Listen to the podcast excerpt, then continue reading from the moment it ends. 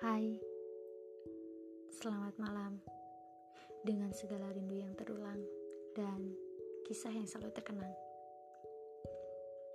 Pernah gak sih kalian menemukan sosok yang memang sangat kalian harapkan?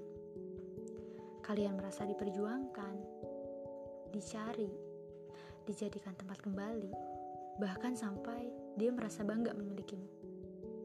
Tapi semua itu cepat berlalu di mana fase berubah dari fase yang indah sampai fase yang beginilah. Notif semakin hari semakin menipis.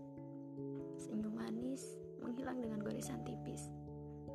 Yang akhirnya semua terasa hampa teriris.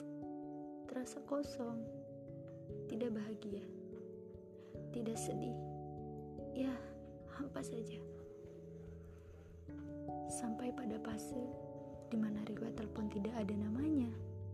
Chatnya sudah tertelan. Bahkan mungkin kita terlupakan. Dan yang parahnya, kita mulai terbiasa. Kita yang selalu mempermasalahkan, menangis, sakit sampai terasa hati ini menjerit. Sampai suatu ketika dia berkata, "Ungkapan yang sekarang ya sekarang saja. Dulu ya dulu. Semua bisa berubah." Sampai teringat sebuah ungkapan. Kamu harus realistis, harus bisa menerima ketika dia memilih atau menginginkan sosok yang lain. Kamu harus merdeka, merdeka dalam pemikiran, berpikir sebelum bertindak. Segala tindakan dan keputusan pasti ada konsekuensinya.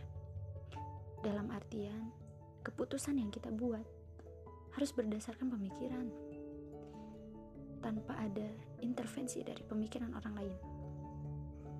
Setidaknya, kalaupun keputusan kita salah, tapi hasil pemikiran kita sendiri. Dan ingat, jangan mengambil keputusan di saat kita marah.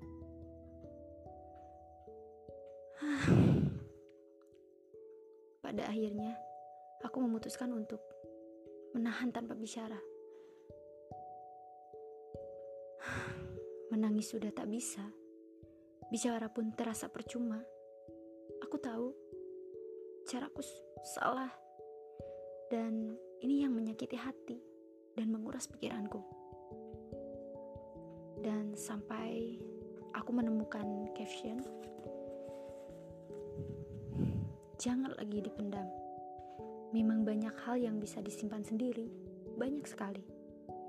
Tapi seperti bejana, pada saatnya akan penuh juga.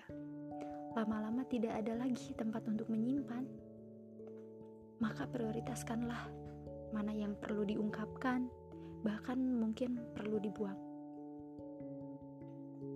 Pada intinya, udah biasa, sudah biasa. Jadi, biasalah. Feel Sahanan, selamat malam.